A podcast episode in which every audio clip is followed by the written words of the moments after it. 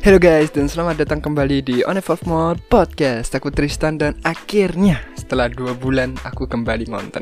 Astaga rasanya udah lama banget gak ngonten dan sumpah aku kangen banget podcast. Tapi ada beberapa alasan sih kenapa aku dua bulan terakhir atau bahkan tiga bulan ya. Tiga bulan terakhir aku nggak ngonten dan nggak muncul entah itu di podcast, entah itu di YouTube ataupun bahkan Instagram dan Pinterest. Salah satunya yaitu karena aku habis ada operasi di leher akibat infeksi dan berarah ke kista atau abses atau bahkan bisa aja itu tumor.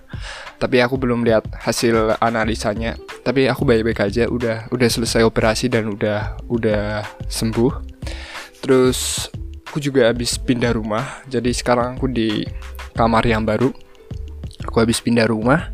Aku juga habis mengikuti lomba tingkat Asia dan ya kita nah, timku jadi runner up number one atau sekitar juara dua lah kira-kira kurang lebih begitu. Dan ya aku seneng banget. Dan ada berbagai alasan lain sih kenapa aku nggak nonton. Bahkan malas bisa jadi salah satu alasan. Tapi ya pokoknya aku udah kembali dan aku excited banget untuk nonton lagi di berbagai platform. So jujur aja aku sempat stres sih karena rencana aku untuk tahun baru 2021 jadi kacau gara-gara semua itu semua kejadian yang datang tiba-tiba. Uh, apalagi kalau aku buka statistik gitu dan lihat bahwa semua engagementku turun, viewku turun dan lain-lain karena nggak aktif di platformnya dan itu bikin aku down dan bikin aku sempat rada kesel gitu. Tapi apa boleh buat. Nah, tapi ada satu aspek di antara berbagai aspek lain yang benar-benar bikin aku mikir di situ, yaitu prinsip yang ingin ku kembangkan sebenarnya, yaitu document over create, yaitu mendokumentasi uh, dibanding menciptakan. Mendokumentasi itu berarti misalnya kamu bikin video gitu dokumentasi itu berarti kamu nggak cuma uh, hasil videonya tapi kamu juga prosesnya. Kamu cerit prosesnya apa latar belakangnya cara kamu buat uh, makna yang ada di situ kamu jelasin behind the scene-nya lah pokoknya prosesnya. Sedangkan create itu cuma hasil videonya doang hasil finishnya. Dan aku rasa uh, itu pengen aku kembangin karena apa ya semakin membuatku keluar dari zona nyamanku untuk menciptakan bahwa proses berpikirku itu sebenarnya cukup kompleks. Dan aku juga banyak kesalahan, banyak hal yang sebenarnya aku pengen capai tapi belum tercapai di hasil akhir.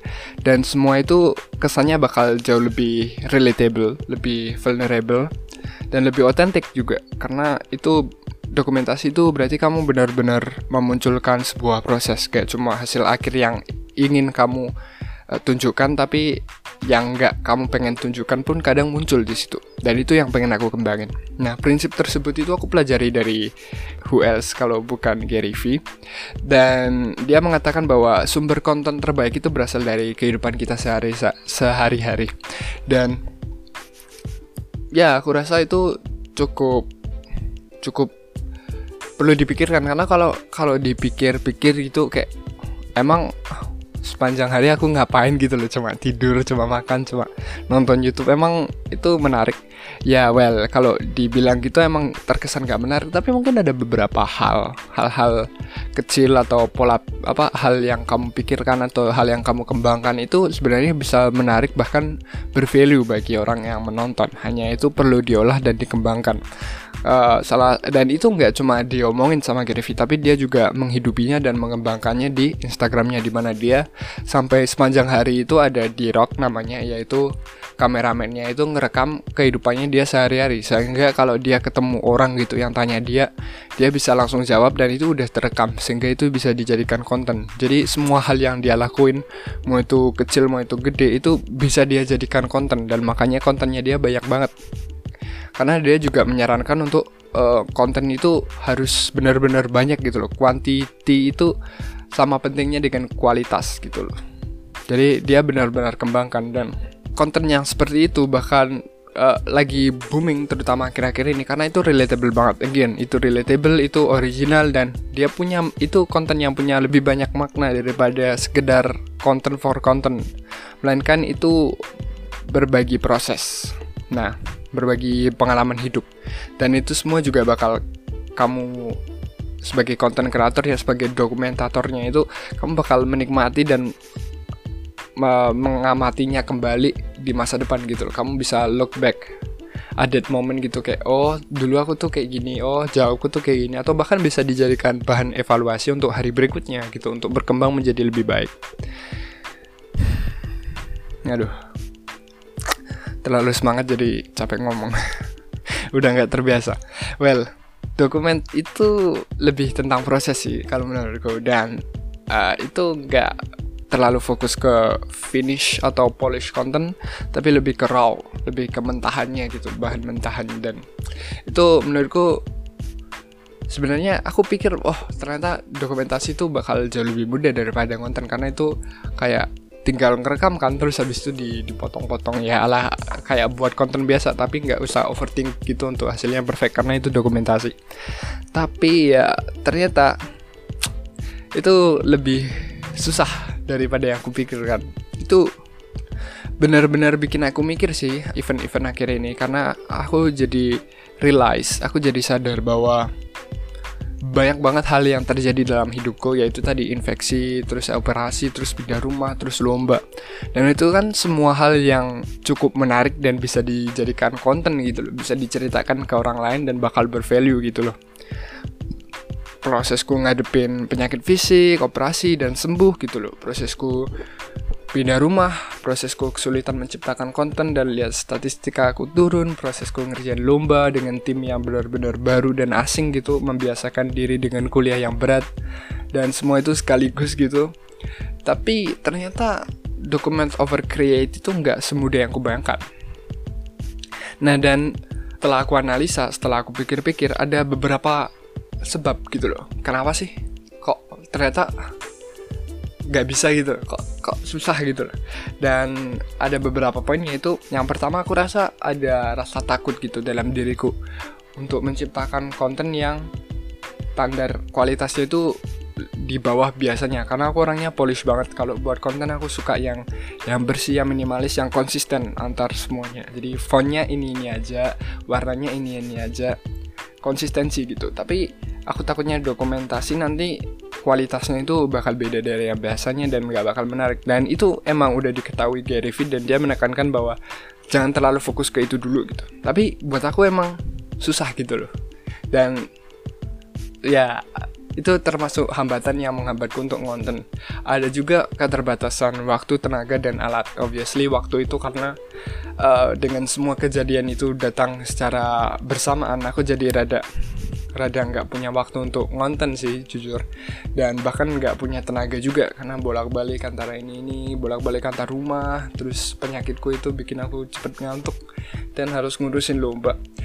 Dan ada juga keterbatasan alat di mana aku jarang megang HP ya kan? Jadi dan kalaupun megang itu kualitas rekamannya cukup buruk jadi I mean aku bisa aja uh, lewat audio dan aku rasa poin kedua ini banyak alasan sih sebenarnya kalau mau dipaksa juga bisa. Tapi kalau aku sakit gitu aku rasa maksa itu bukan solusi yang baik. Jadi aku hindari. Yang ketiga aku juga belum terbiasa dokumentasi sih. Uh, itu yang termasuk poin yang cukup besar sih. Tapi aku gimana mau terbiasa kalau belum mencoba gitu kan. Dan ini yang sekarang aku lakuin sih aku sedang mencoba mendokumentasi apa yang kurasakan dan alami uh, sejak tiga bulan yang lalu gitu. Dan yang keempat itu aku kurang percaya diri secara fisik sih.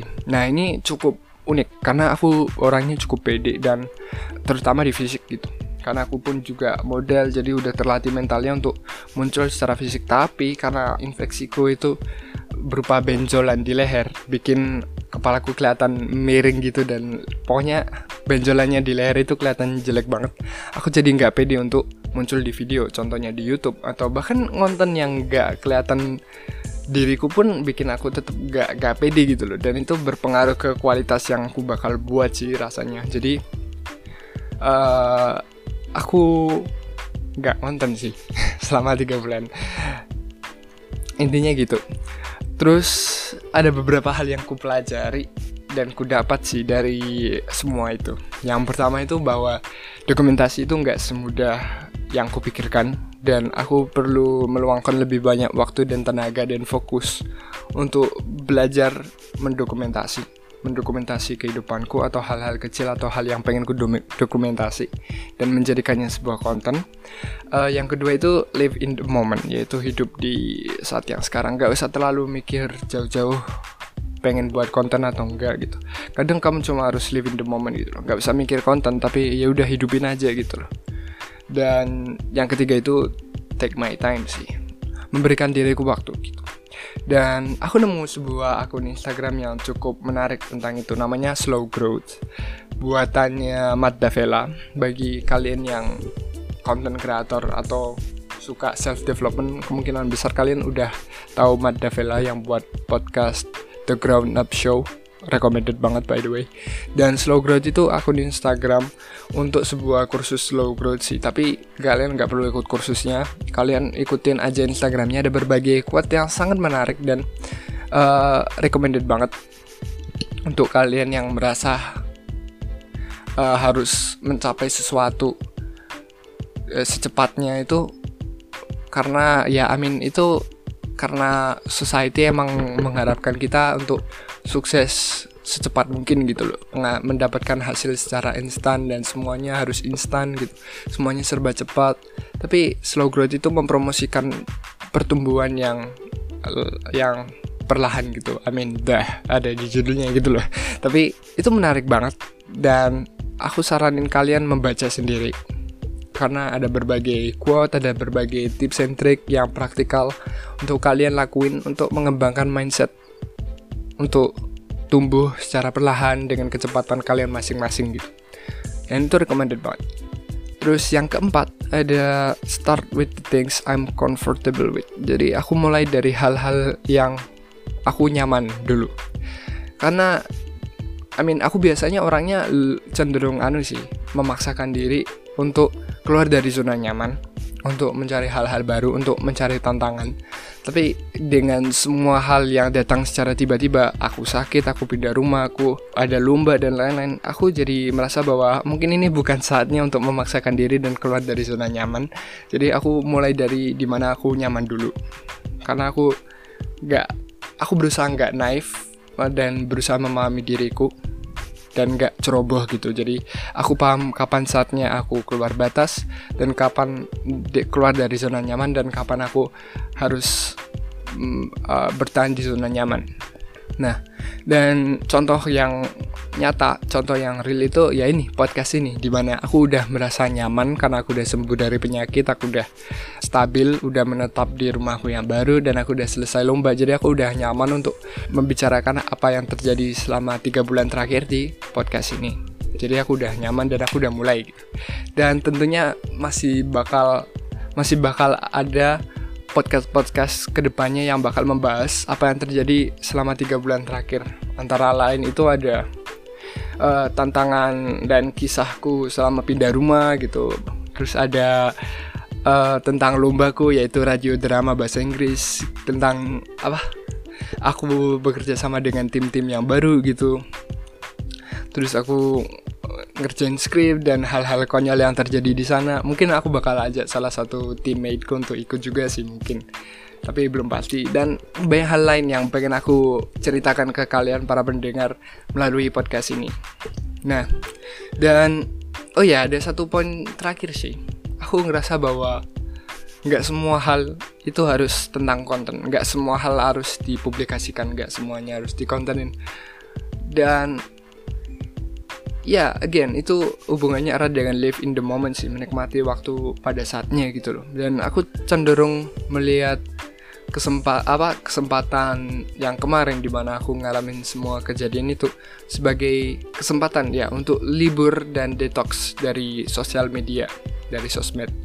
Itu untuk istirahat sejenak dari konten untuk untuk memikirkan merefleksikan diri dan lain-lain. Dan itu cukup menarik sih mungkin emang aku perlu gitu loh. Mungkin siapa tahu aku emang perlu waktu untuk detox saat itu sadar atau enggak gitu. Mungkin aku perlu biar gak burnout. Jadi aku nikmatin aja gitu.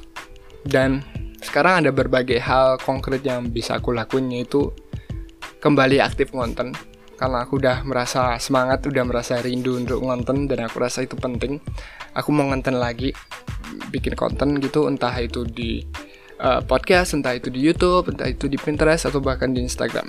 Terus aku pengen mendokumentasi dan mengolah pengalamanku selama dua bulan terakhir, again seperti yang aku ceritain tadi. Dan aku mau take it slow gitu, mau lebih santai aja gitu, dan menghormati diriku serta menikmati proses gitu. Dan ya itu hal-hal yang aku rasain, hal-hal yang aku dokumentasi, hal-hal yang ingin aku lakuin ke depannya. Dan walaupun episode ini singkat, tapi aku rasa aku ngomong cukup banyak, cukup cepat. aku harap kalian mengerti. Dan aku sangat berharap masukan dari kalian, uh, apa pun itu. Entah itu lewat uh, eh, DM Instagramku Tristana Aryo C atau apa pun lah. kayaknya cuma ada itu. Atau email email tristanaryo77.gmail.com uh, astaga ada ya pokoknya kasih masukan aja kritik atau saran. Ya jadi sekian untuk episode singkat on evolve mode podcast ini. Episode ke-12 document over create ternyata tidak semudah itu. Aku harap kalian mendapatkan value dari episode podcast hari ini dan sampai jumpa minggu depan atau dua minggu depan. Ya itulah pokoknya. Bye